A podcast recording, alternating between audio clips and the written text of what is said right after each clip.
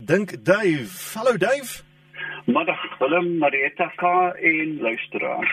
Ons val weg met hierdie een van Dirk. Hy sê, kan jy asseblief verduidelik die wyfies van roofdiere, kom ons sê leeu's vir 'n voorbeeld. As hulle nou kleintjies het, welpies en so aan. Uh hoe gemaak as sy moet gaan jag? Wat doen sy met die welpies en as sy nou kilometers ver beweeg het, hoe weet sy waar sy die welpies gelos? So. Kyk, welpies, kom ons praat van leeu's. Um word bitter klein gebore. Hulle weeg omtrent 'n kilogram en 'n half. En die oogies is nog toe. Dit gaan eers hier by 10 dae oop. Um en hulle drink vir ten minste 10 weke aan hulle maag. Ten minste 10 weke en word eers gespeen hier in 10 maande. Verder uh, is hulle jagtegniek effektief op 2 jaar. So 'n 'n dragtige leeuwyfie sal 'n wegkruipplek soek, 'n digte boskasie tussen doringbome, 'n grot, 'n baie groot gat in die grond. En dan sal sy haarself afsonder. Um as die as die uh, groep vleuels groot genoeg is en hulle moet gaan jag. Sy sal die eerste 2 of 3 dae natuurlik nie jag nie. Sy sal bly dat hulle ordentlik kan voed. Vorm hulle uh, van die wyfies gooi hulle kleintjies saam in 'n kleuterskool wat dan ehm um, ja, kan jy indink. Um, en dan is daar wel die digtheid van getalle. As een gevang word deur 'n jakkals dan word dit verdun deur die groep. Jy verstaan dis dis vreed maar dis waar. Ehm um, en dan die die die die grootste impak op die jagsukses van 'n leeugroep is dat ehm um, sodra 'n wyfie kleintjies kry, val die sukses van die jag met 30-40% want mense besef eintlik nie dat leeu's soos 'n rugby span jag. Hulle het vaste plekke. Um, en mannetjies doen min van die werk. Hulle stoor hom aan die einde in 'n grypie bok. Maar die maar die die die strategie word deur die wyfies ehm um, so as 'n wyfie siek is of kleintjies het, dan val die hele groep se jag sukses. Ehm um, sy sal dan die die wyfie wat dan kleintjies het sal nader sluip en 'n bietjie eet aan hulle prooi en sy sal dadelik terugkeer. Met ander woorde, dis 'n baie beslisste afsondering. Sy is natuurlik ook bang dat wat natuurlik gebeur is dat opgeskote kleintjies die heel kleintjies pap speel. Jy weet hulle wil speel. En die die ding kan jy sien nie en sy hulle moet afsonder en dan vir die eerste paar weke in totale isolasie. Hierdie vraag kom van Morney Smit en hy sê hierdie wit bosluisvoëls en ook swaalkies, hulle storm op my hommeltuig af sodra ek begin vlieg Uh, verlede jaar was daar selfs 'n visarend daar by die Vaalrivier wat twee keer naby aan die Hommeltuig gekom het. Uh, wat sal die rede daarvoor wees? sien dit as kompetisie of sien dit as prooi? Nee, ek dit is heel moontlik eenvoudig territorialiteit meeste roofvoëls het 'n vaste territorium en 'n mens moet tog onthou dat 'n territorium nie noodwendig 'n sirkel is nie. Dit kan 'n ellips wees, dit kan langwerpig wees, dit kan soos 'n amoeba lyk. En as enige ander voël dan hierdie lugruim betree, dan wil hulle dit beskerm. En ek vermoed stellig, ek het in die ou dae mense het vleer, jy weet, ek het tog vleers gemaak, jy weet klassiek van hmm. van maar later dan kon mense koop die vorm van ehm um, een van hierdie hangtuie, jy weet eh, met 'n effense vlek ja, wat viervormig ja. vlek. En gereeld in in in Robertson het roofvoëls die ding aangevang duidelik gesien as 'n ander voël, jy weet wat daar so in hulle jaggebied. So ek dink die hoofdrywer van aggressie by by roofvoëls is territorialiteit. Robbie Robertson, hy's in Eldorein in Centurion, hy's met al hierdie reën het ons nou nie eintlik tyd gehad vir gras sny nie. Nou sien jy klomp paddastoele wat oral voorkom. Hoekom is groei hulle in in halfsirkels of sirkels? Ah, ja, die die die Engelse praat van fairy circles. En jy sien dit baie mooi op 'n gemanikeerde grasperk op rugbyvelde, rolbalbane. Sampioene wat bo die grond verskyn is die uitproduk van 'n reuse proses van 'n ongelooflike digte netwerk van klein buisies onder die grond wat bekend staan as 'n miselium.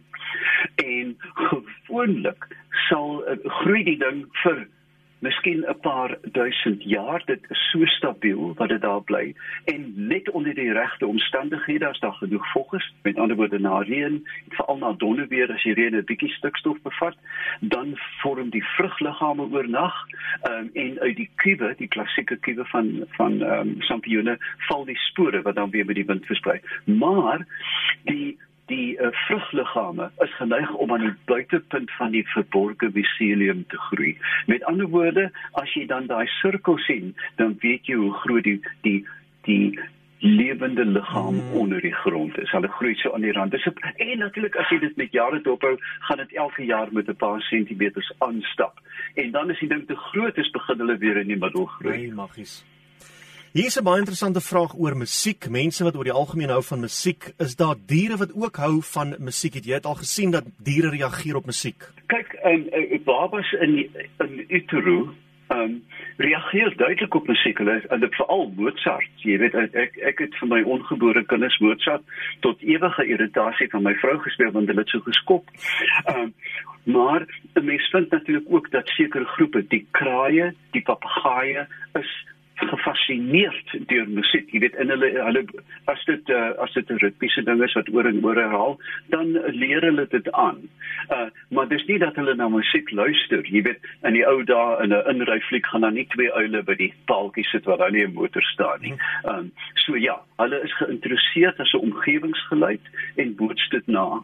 Um, en natuurlik ook geluide uh, kan jy nie lok sekere frekwensies kan jy 'n uh, uh, uh, Jan Frederik nader lok en so voort. Ja, hulle hulle het 'n belangstelling daarin, maar dis nie 'n kulturele belangstelling. Uh hier is dit 'n Liesel wat sê hier by ons in Holliston kom daar die rooi oranje spinnekop besigheid voor ons noem hom 'n haarskeerder, maar op ander gebiede uh is dit meer deurskynend en daar noem hulle hom 'n roman. So hoe verskil hierdie twee en is hulle eintlik dieselfde ding? Presies dieselfde ding. Hulle is nie ware spinnekoppe nie, alhoewel hulle baie na verwant is. Um en die Engelse, as iemand tog asseblief dis net 'n pleidooi. Die eng, ou Engelse Kaapse woord is 'n jury manglam.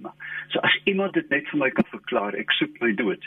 Nou hulle is gewoonlik uh gewoonlik, jy weet skemer of naglewend baie baie vinnig en nie nie giftig nie maar hy byt vir jou uh, jy weet soos 'n Engelse side cutter jy weet jy sal jy, moet jy moet uh, badkamer te hardloop. En hulle is natuurlik grillerig omdat hulle so vinnig hardloop hier staan um, en hulle versamel baie keer omgewing vesels en dis waar die baardskeerder vandaan kom. Maar die roman en baardskeerder is presies dieselfde ding Ons het 'n klein tipe van 'n skilpaadjie wat hier by ons in ons erf aange aangekom het. Ons gee vir hom druiwe om te eet.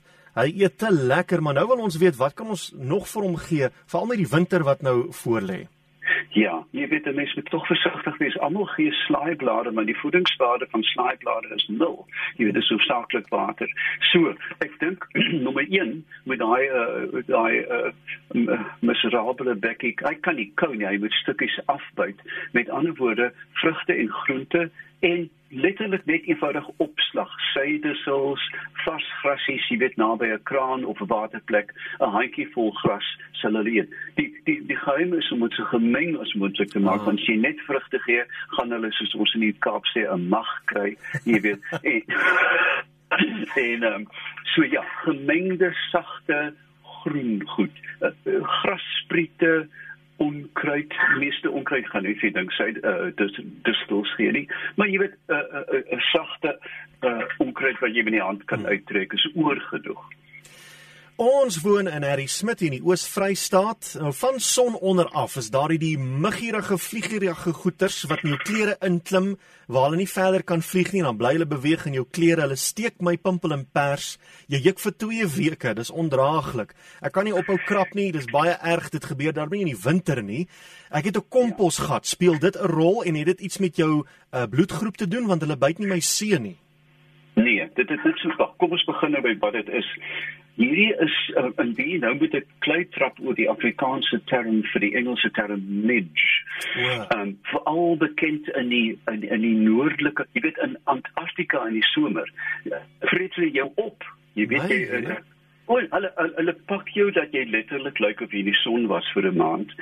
Ehm um, Nou ja, hulle is bloedsuiers en daai minuskule is klein, die helfte van 'n speldkoppie. Hmm. Um maar daai klein byt het 'n ewige, jy weet, histamienreaksie. Dit swel op en krap. Nou om dit af te weer Um een van die beste goed, jy kan natuurlik aanspreek DEET, jy weet die aktiewe bestanddeel van meeste van die beskietspuit werk. Maar as jy toegang het tot Pennyroyal, dit is 'n 'n kruipende ment ehm um, wat wat as grondbedekker gebruik. Dit is fabelagtig suksesvol. 'n Handjie vol pen heel gekneus in die hand en dan oor die vel gesmeer 'n uh, werk wondere en natuurlik hulle is seisoonaal dit sal verbygaan oor die geneigtheid om sekere mense te eet het gewoonlik te doen met die vlakke van melksuur in hulle in hulle bloed met Met ander woorde mense wat oefen, as jy oefen word jy warm, jy sweet, die vel probeer gou um, afkoel en natuurlik die bloed styg na die oppervlakte. Hmm. Met ander woorde, as jy oefen, jy het melksuur, weet jy die miserabele gogga ek met daarbuit in in in teenstelling met 'n 'n bankaartappel wat eenvoudig niks doen nie.